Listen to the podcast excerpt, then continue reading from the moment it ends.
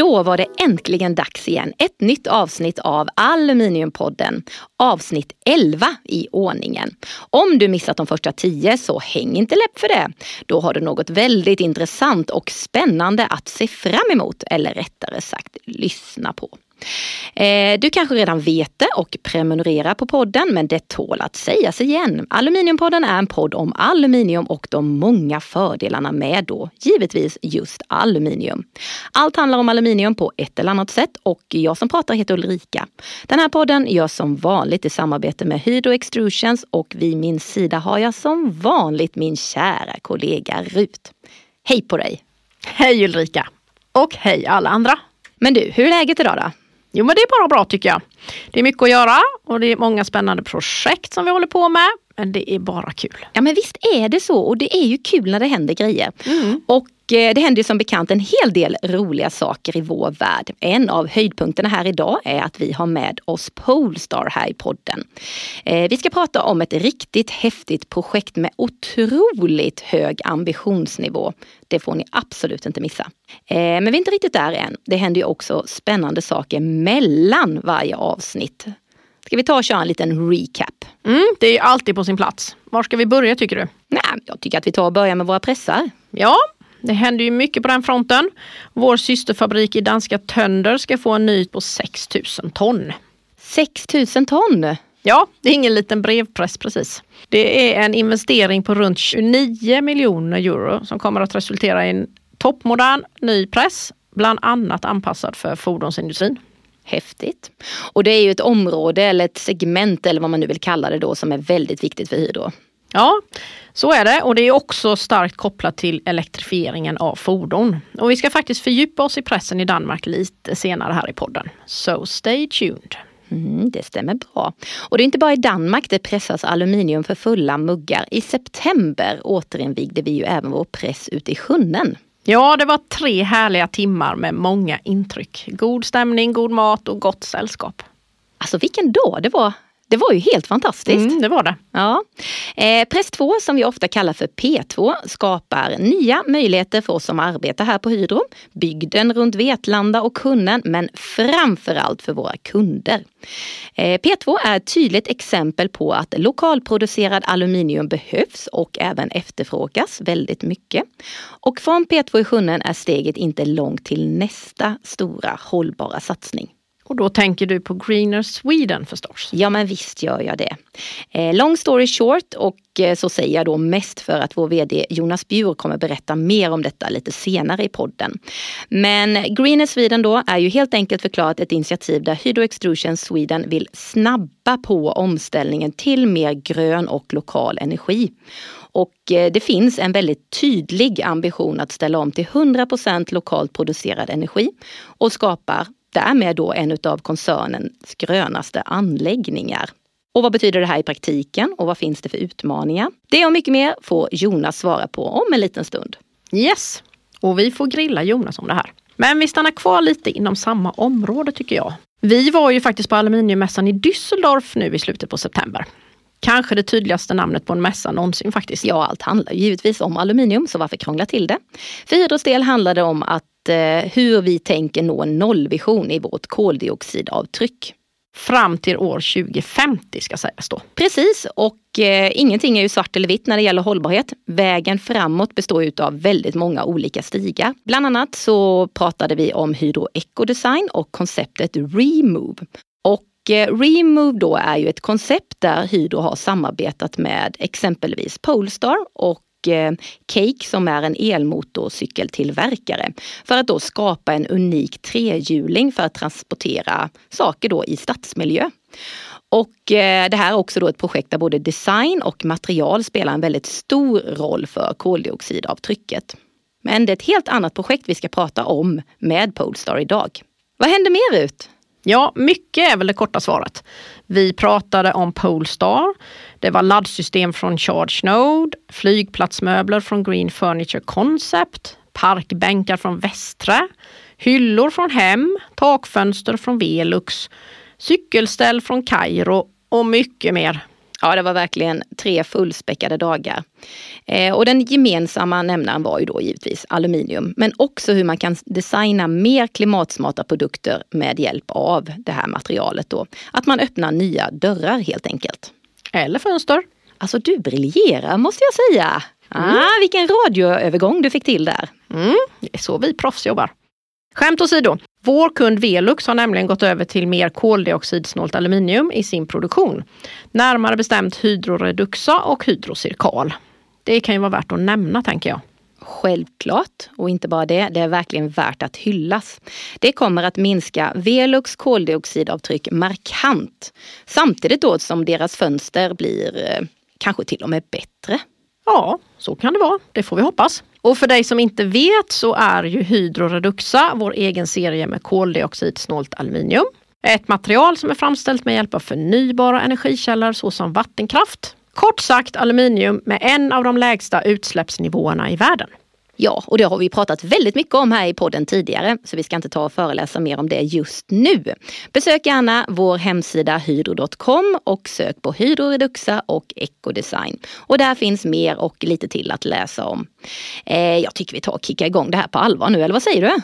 Ja, det blir ett häftigt avsnitt, precis som vanligt. Eller hur? Yep. Nu kör vi!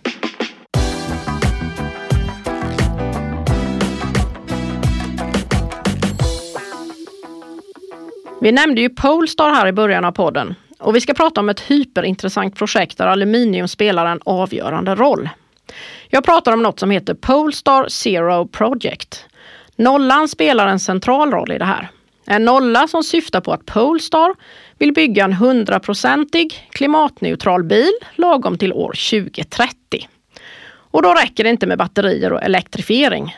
Man måste tänka om biltillverkning från grunden, från material, transporter och tillverkningsmetoder till montering och energin som används i alla processer. Det här påverkar ju förstås också varje komponent i bilen oavsett om det är aluminium, glas, elektronik eller stål. Aluminium är som sagt en viktig del. Ja, Hydro är en så kallad materialpartner i det här ambitiösa projektet tillsammans med andra utvalda leverantörer inom olika material. Det är en hisnande resa vi har framför oss där både vår kunskap och vårt material kan bidra till att göra det möjligt. Polestar själva säger att de ännu inte vet hur de ska göra det här. De vet bara att de måste göra det. Det finns något väldigt befriande och utmanande i det här tycker jag.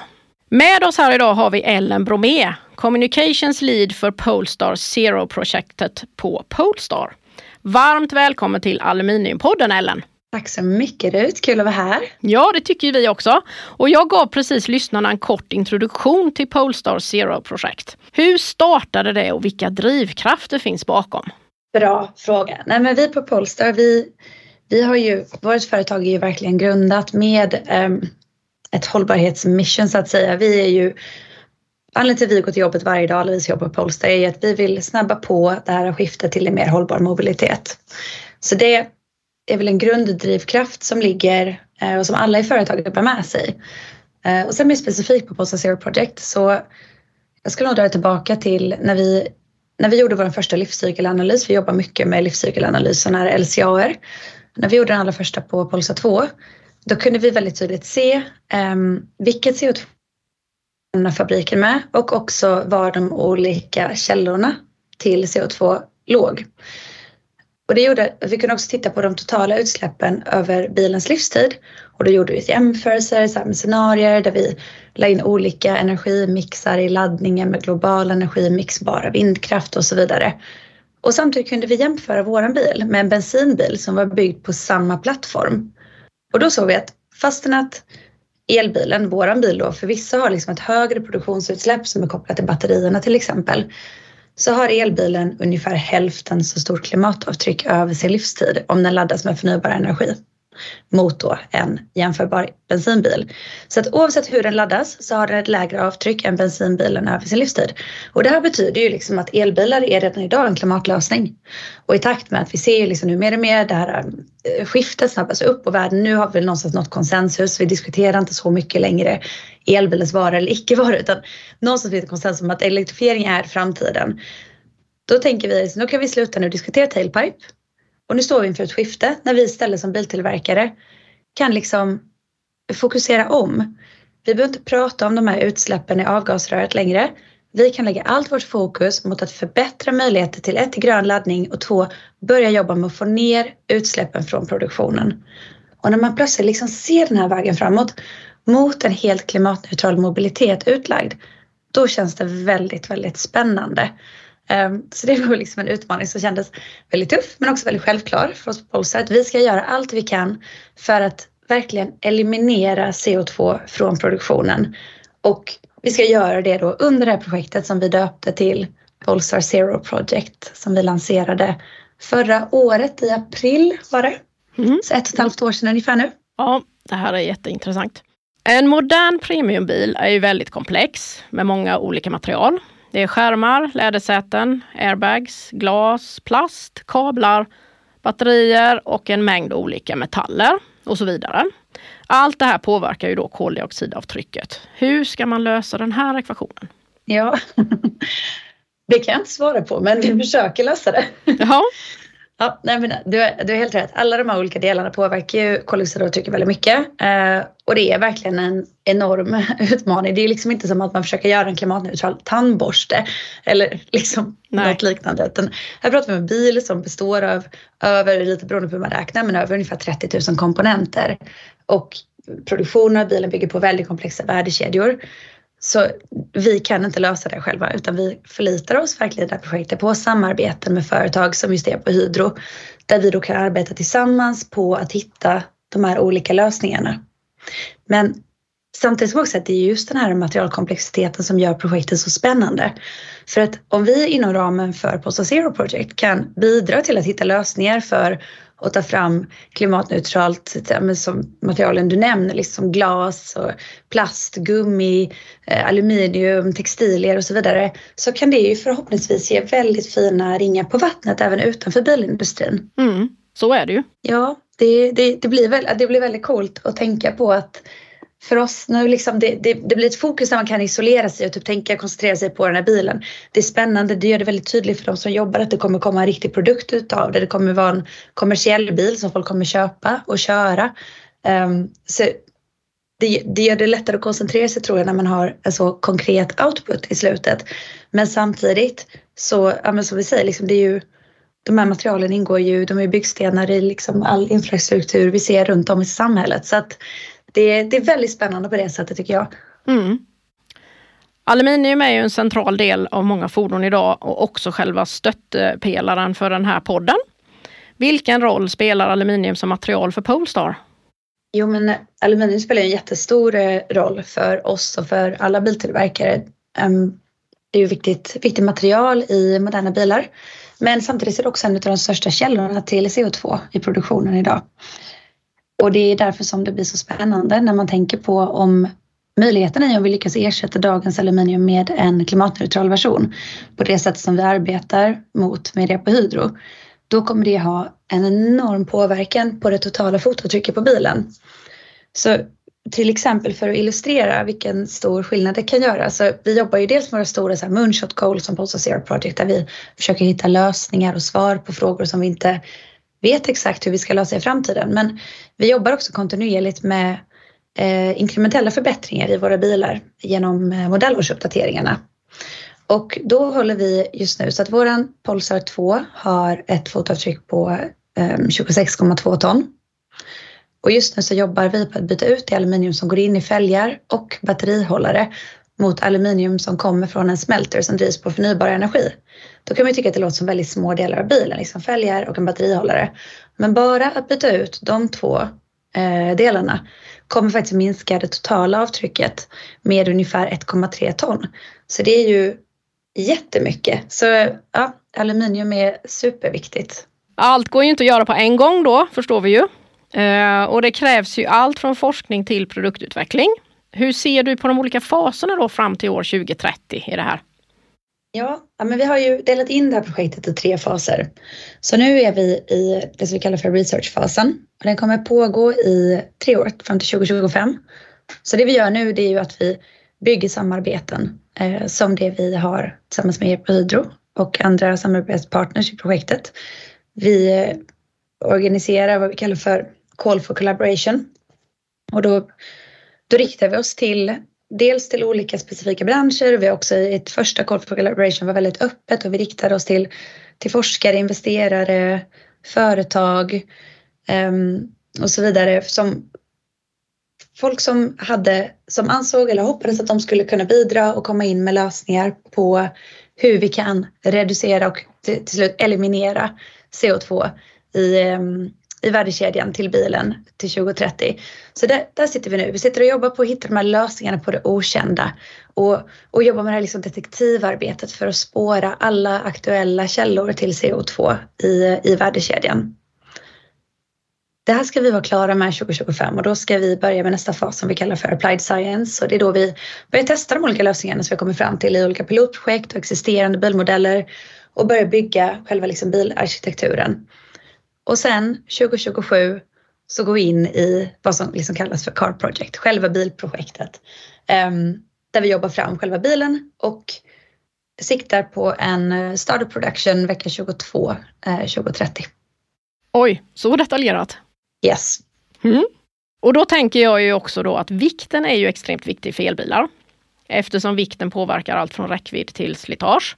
Där har ju aluminium såklart en klar fördel. Vad har du för tankar om det? Mm. Ja, men det är verkligen sant att eh, lättare då material som aluminium har ju verkligen en klar fördel i användarfasen. Um, typ genom att göra bilen lättare så sparar man energi och som du säger kan det påverka räckvidden. Uh, sen måste man ju å andra sidan ställa det här mot uh, produktionsrelaterade utsläpp. Till exempel så är stål ju ett tyngre material, det blir en tyngre bil. Men stål har lägre avtryck i produktionen. Så det är inte svart eller vitt men just därför är det så himla viktigt med det arbete som ni gör på Hydro med att reducera CO2 i framställningen av aluminium. För att, just för att det är, det är en stor källa och eh, men det har samtidigt alla de här fördelarna med, med vikten. Så vi ser väldigt mycket fram emot att se vad som kommer ut av det här samarbetet. Ja, det gör ju vi också. Det är jätteroligt. Och jag tänker att du kanske har svarat lite på nästa fråga redan eller touchat lite på det. Men ur ditt perspektiv, vad kan Hydro och andra materialpartners bidra med på den här resan? Men materialen är ju otroligt viktiga och ja, så som vi pratade om tidigare så det är väldigt spännande att tänka på de innovationsmöjligheter som kan spela ut ur det här projektet. Ehm, men just de här samarbetena som, som det vi har med på Hydro är verkligen grundbulten i Polsa Zero Project. Jag tror det handlar om den här styrkan i att komma samman runt ett gemensamt mål. Det går verkligen inte att underskatta.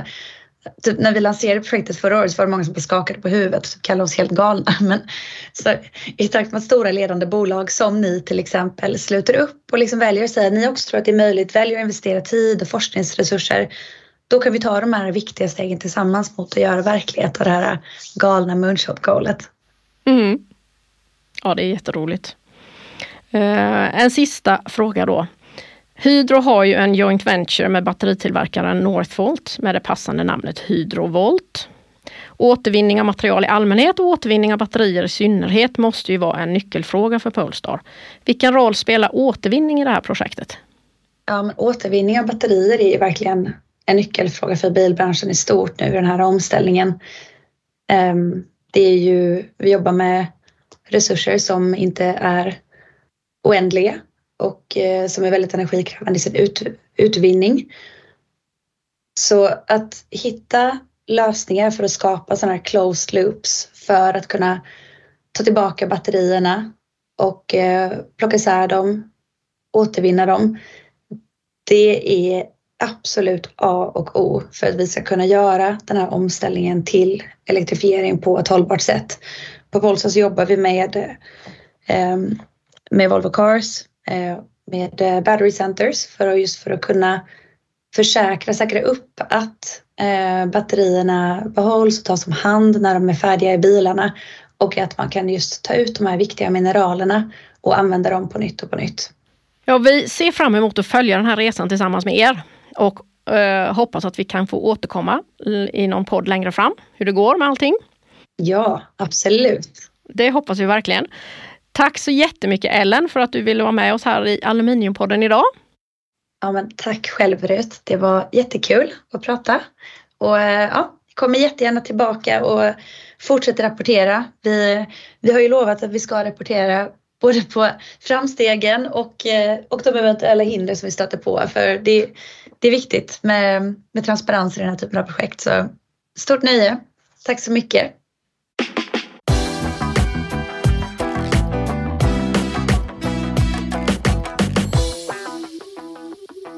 Det finns all anledning att återkomma till det här framöver, precis som både Ellen och jag sa tidigare.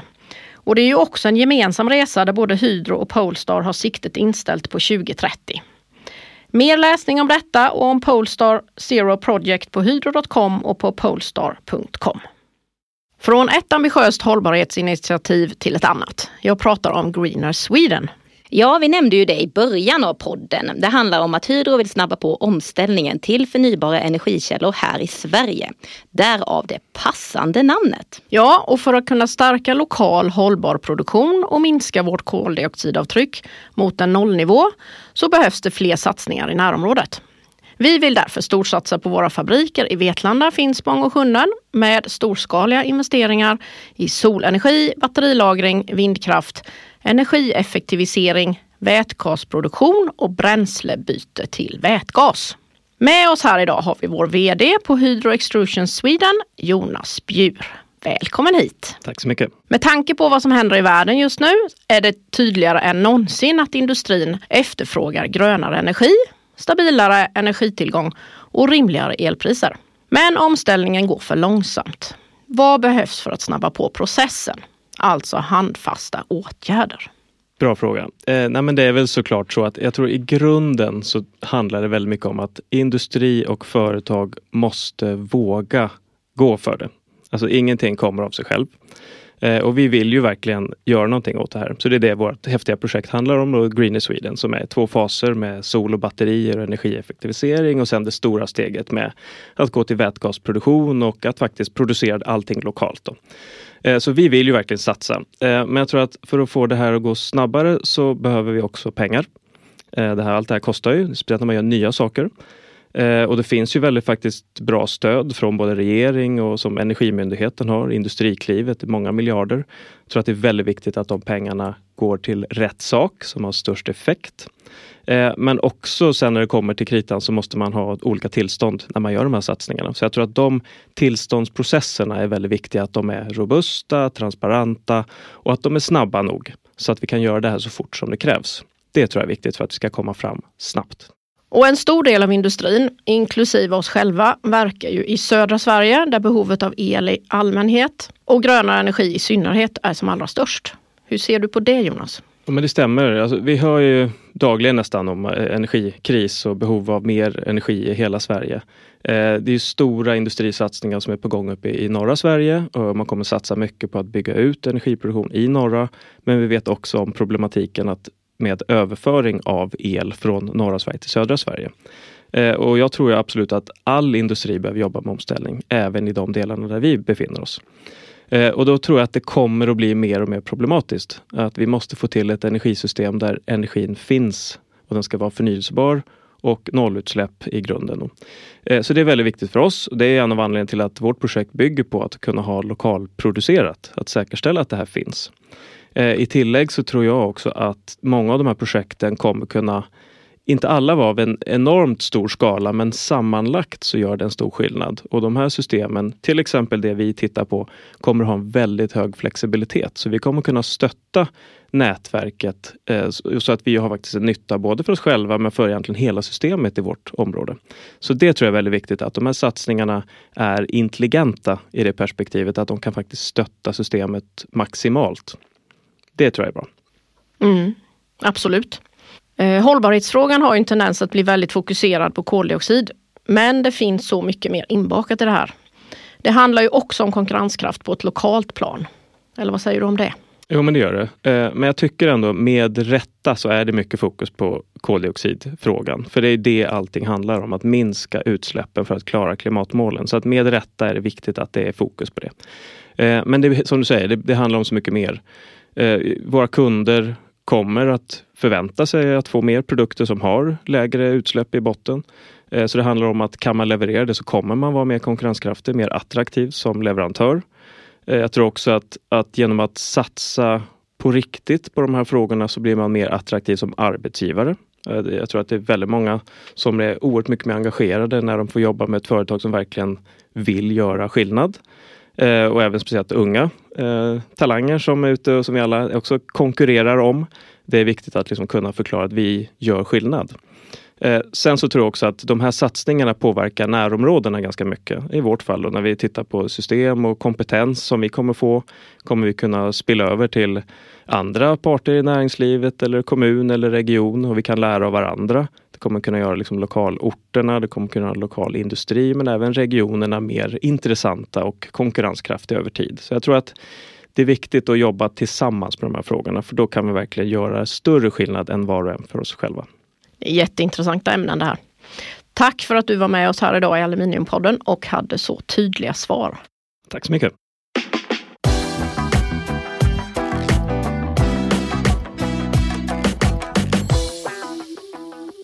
Jag tycker vi har hittat en väldigt bra tråd här idag.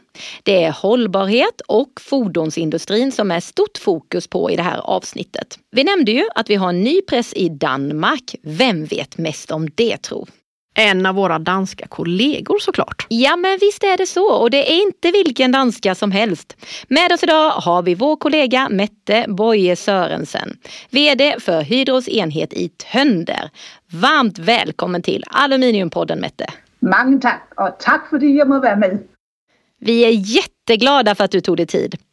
Eh, vi har pratat lite kort om vår nya press och också om utmaningarna som finns för hela fordonsindustrin. Kan du kort berätta om den här nya pressen? Det kan du tro. Eh, den nya pressen i Tønder har varit länge undervejs. Jag har varit eh, i Tønder i eh, över 25 år och sedan jag startade snackade vi om en tredje press i Tønder. Men det är först de senaste åren at vi har sett en marknad der kunne understøtte en presse i tønder. Og det gav oss mod til att arbeta hen i den riktningen. Pressen, der kommer till tønder, det är en 12-tommer presse och är i store træk identisk med den 12-tommer presse, der står i Ungarn.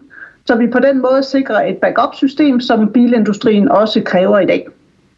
Ambitionen är att udstyret, der kommer, er energibesparende, och ta höjd för arbetsmiljö och säkerhet så att vi kan bringa det till ett högre nivå än vi är idag. Det låter ju fantastiskt. Oj vad spännande! 25 år har du väntat på det här. Ja. Ja, men nu händer det.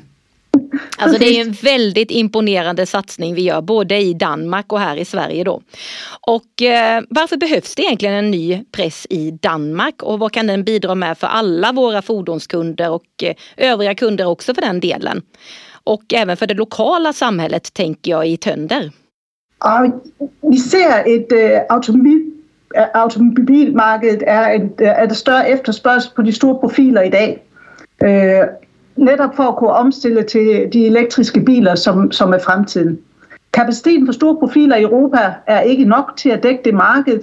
så för att Hydro kunde vara med till att ha samma marknadsandel i bilindustrin så har det brug för fler större presser i Europa. Og der har vi jo så fået lov til at få den ene. Men der bliver forhåbentlig også plads til noget andet end bare automotive på den presse. Så vi håber jo også på noget Big and right, eller Jakob kommer med noget industriprodukter, som skal på den her. Pressen den er faktisk ret vigtig for Tønder, fordi i kraft af, bilindustrien efterspørger større profiler, øh, så kan vi ikke være med i Tønder. Så med tiden vil vores øh, markedsandel på automotive falde væk, og dermed vil vi også miste kompetencen, hvis vi ikke får den her større, større presse. For lokalområdet er det også vigtigt. Det betyder jo flere arbejdspladser øh, over tiden, så vi forventer 40-50 øh, nye kollegaer i forbindelse med den her presse her. Og så er vi også stolte af at få muligheden for at deltage aktivt i den øh, ændring eller den omstilling bilindustrien är på mot en mer bæredygtig eh, transport. Absolut och vi hade faktiskt med Polestar här tidigare i podden och de berättade lite grann om det här spännande projektet Project Zero.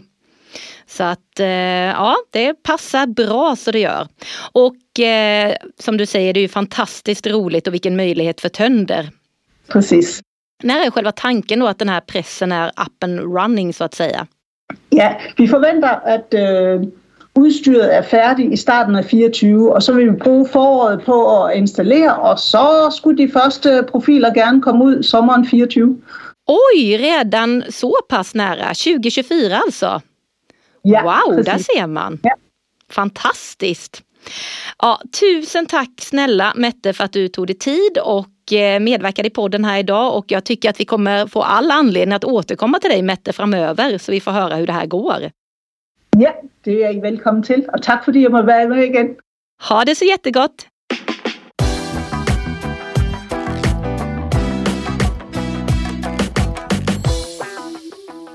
Vi lanserade ju ett nytt segment här i podden under förra avsnittet. Något som vi kallar för angående aluminium.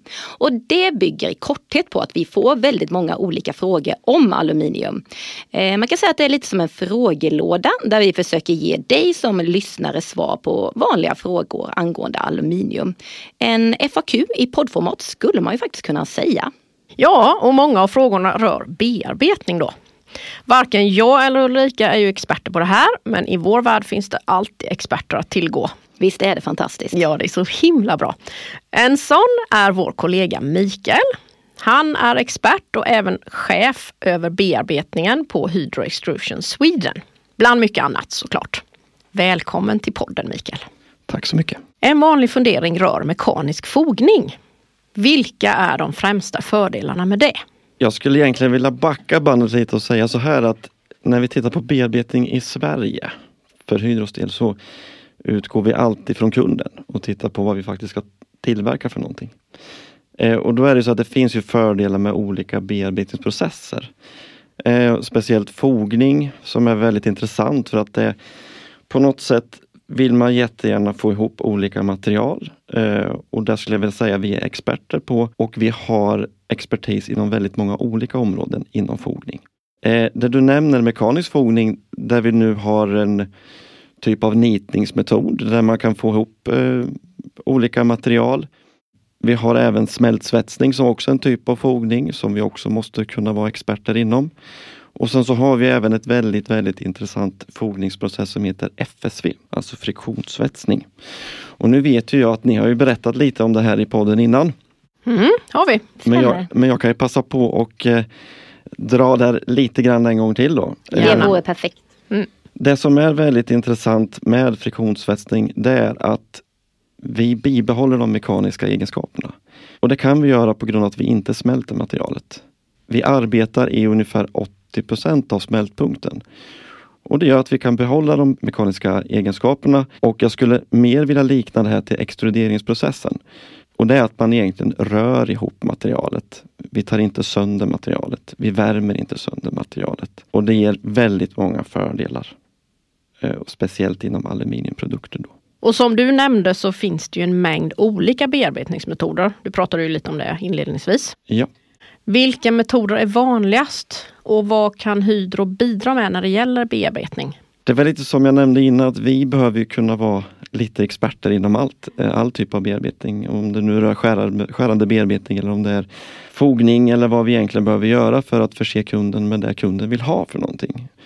Så att jag skulle vilja säga att vi, vi är väldigt bra på det mesta och det vi inte kan hantera, det ser vi till att ta reda på. För någonstans så ska vi förse kunden med det den vill ha. Och Jag skulle också vilja säga så här att jag tror Hydro som företag eh, och alla kombinationer vi har inom företaget gör det också så framgångsrikt. Och om vi går tillbaks till materialet aluminium som är helt fantastiskt i sig, som har st stora fördelar med att kunna bearbeta, så har vi faktiskt kombinationen med material.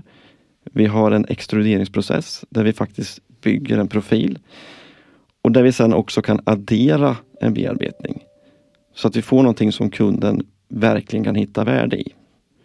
Eh, och Jag tror att det är hela den kombinationen som gör att vi kan göra så pass värdefulla artiklar till kunderna. Breda frågor men spetsiga svar kan man väl säga.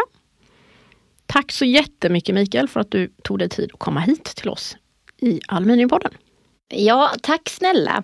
Men eh, vi håller ju faktiskt på att glömma en väldigt viktig fråga Rut, eller vad säger du? Mm. Vad vill du höra om i nästa del utav angående aluminium? Ja, den har jag funderat på en hel del. Eh, och vi har egentligen inte diskuterat så mycket om framtid när det gäller kanske specifikt inom bearbetning. Eh, för det är lika mycket att ha kunskapen just här och nu och kunna göra det vi gör på ett fantastiskt bra sätt med den kompetensen vi har. Men det handlar lika mycket om att titta på i framtiden. Vad behöver vi kunna för att också ligga i framkant? Eh, så jag tänker så här att eh, Vi har ju en, en avdelning inom Hydro Innovation and Technology Mm. som sysslar väldigt mycket med framtiden. Jag är jätteintresserad av att höra lite om hur de jobbar. För det är någon, någon faktiskt en avdelning som vi knyter an väldigt mycket till Mm. för framtiden. Absolut. Jättebra inspel. De har ju varit med en gång tidigare i podden, men då har vi inte dykt in just i bearbetning. Så vi tar med oss detta och eh, kollar vad vi kan göra helt enkelt. Mhm. Jättebra idé Micke. Bra. Tusen tack. Tack! Mette pratade om vår nya press i Danmark för en liten stund sedan. Men vi har också startat igång vår press i Sjunnen som vi nämnde inledningsvis. P2 är nu igång och återinvigdes ju med pompa och ståt i början av september. Och vår kollega Lukas var återigen på Vift i verkligheten och dokumenterade den här viktiga händelsen på plats i Sjunnen. Där träffade han bland annat vår kund Duri. Över till dig Lukas. Jajamensan. Duri det är ju ett svenskt bolag som distribuerar verktyg och tillbehör för installation, underhåll och renovering för alla typer av golv. Utöver det tillverkar även Duri aluminiumprofiler som golvlister som är den största delen av deras försäljning. Duri grundades 1961 i Stockholm och idag vet, ja, i princip alla som jobbar med golv vilka de är. Och sedan 2011 har Duri varit kunder till Hydro där vi pressar deras profiler i Vetlanda. Under invigningen av P2 träffade jag Lars Lindgren som är VD hos Duri. Där vi tog och pratade lite grann om deras omväxling till Hydro Restore och om delen i deras affärsidé om att använda sig av lokala leverantörer. Innan dess pressade vi i Finland då, men vi såg möjligheter att kunna köpa det i Sverige istället. För en del av Duris eh, affärsidé är att ha svensk sourcing. Vi sourcar nästan 70 procent av allt vi säljer i Sverige. Då. Och det mesta vi säljer står det Durek också. Och då har vi underleverantörer som gör produkter unikt för oss. Då, som vi ritar i samarbete med leverantörerna. Då. Så vi har ganska mycket partnerskap med olika leverantörer som skapar produkter utifrån våra idéer och så gör de oss verkliga. Då. Så det, vi är ju noga med att köpa i Sverige och det har ju egentligen eh, under de sista åren varit speciellt bra med tanke på pandemier och transporter och alltihopa. Då. Så vi har varit väldigt förskonade från störningar generellt. Då. Och varför valde Duri Hydro som leverantör? Nej, det handlar egentligen om den svenska sourcing egentligen. och att allting vi, alla leverantörer av dignitet vi jobbar med, jobbar mycket med miljö. Alla är certifierade på olika sätt, både ISO 9000 och ISO 14000. Och i och med att kraven från våra kunders kunder ökar och vi måste kunna presentera IPD i framtiden så blir ju det här arbetet som vi gör med miljön generellt, både vi och våra leverantörer, enormt viktigt. Och framförallt nu i förlängningen så förstår vi att vi har valt rätt kopplat till hållbarhetsfunktioner och vi är i byggbranschen och kraven ökar ju hela tiden på att byggnationen ska vara mycket mer hållbara miljömässigt. Och det kan man aldrig uppnå om man köper produkter för långt ifrån. Och nu i och med att vi kommer gå över till eh, Hydro Restore så kommer vi bli helt unika egentligen i hela Europa på golvprofiler med lågt avtryck i miljön.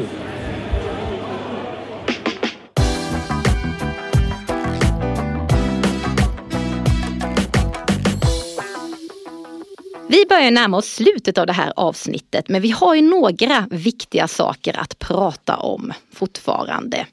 Eh, jag tycker att vi kör lite uppvärmning innan du kör aluminiumgåtan. Ja, det sägs ju att skaderisken är mindre om man värmer upp först.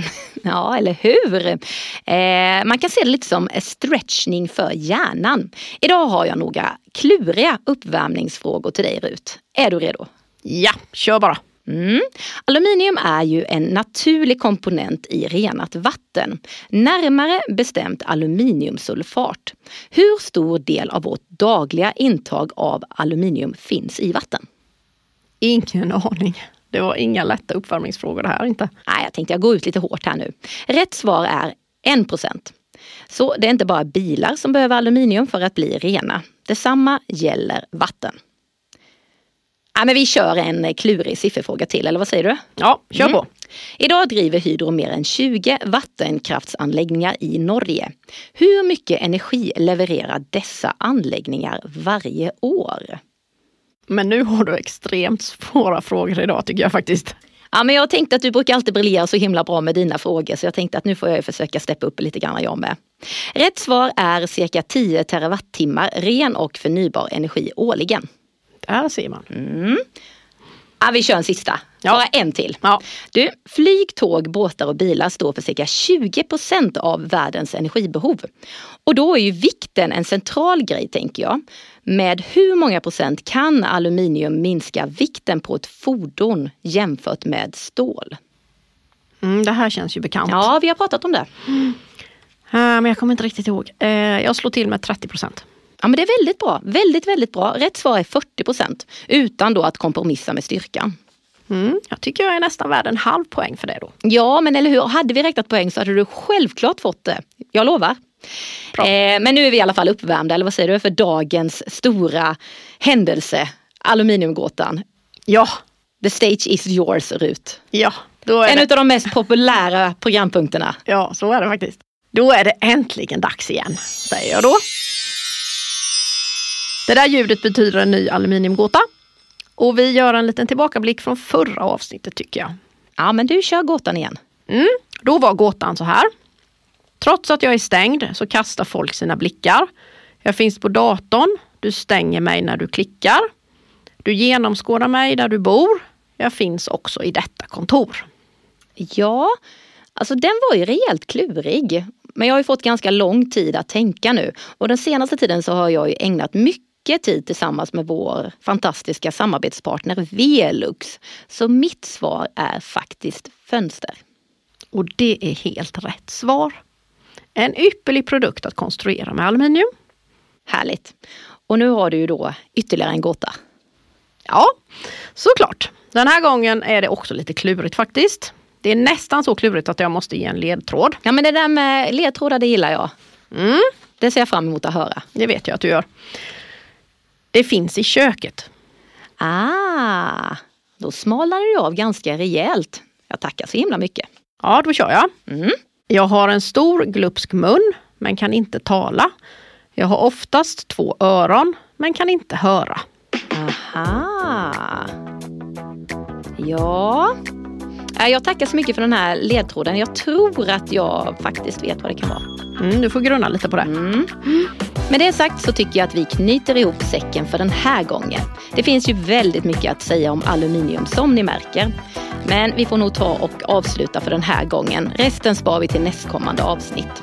Det har varit ett väldigt fullspäckat avsnitt från start till mål.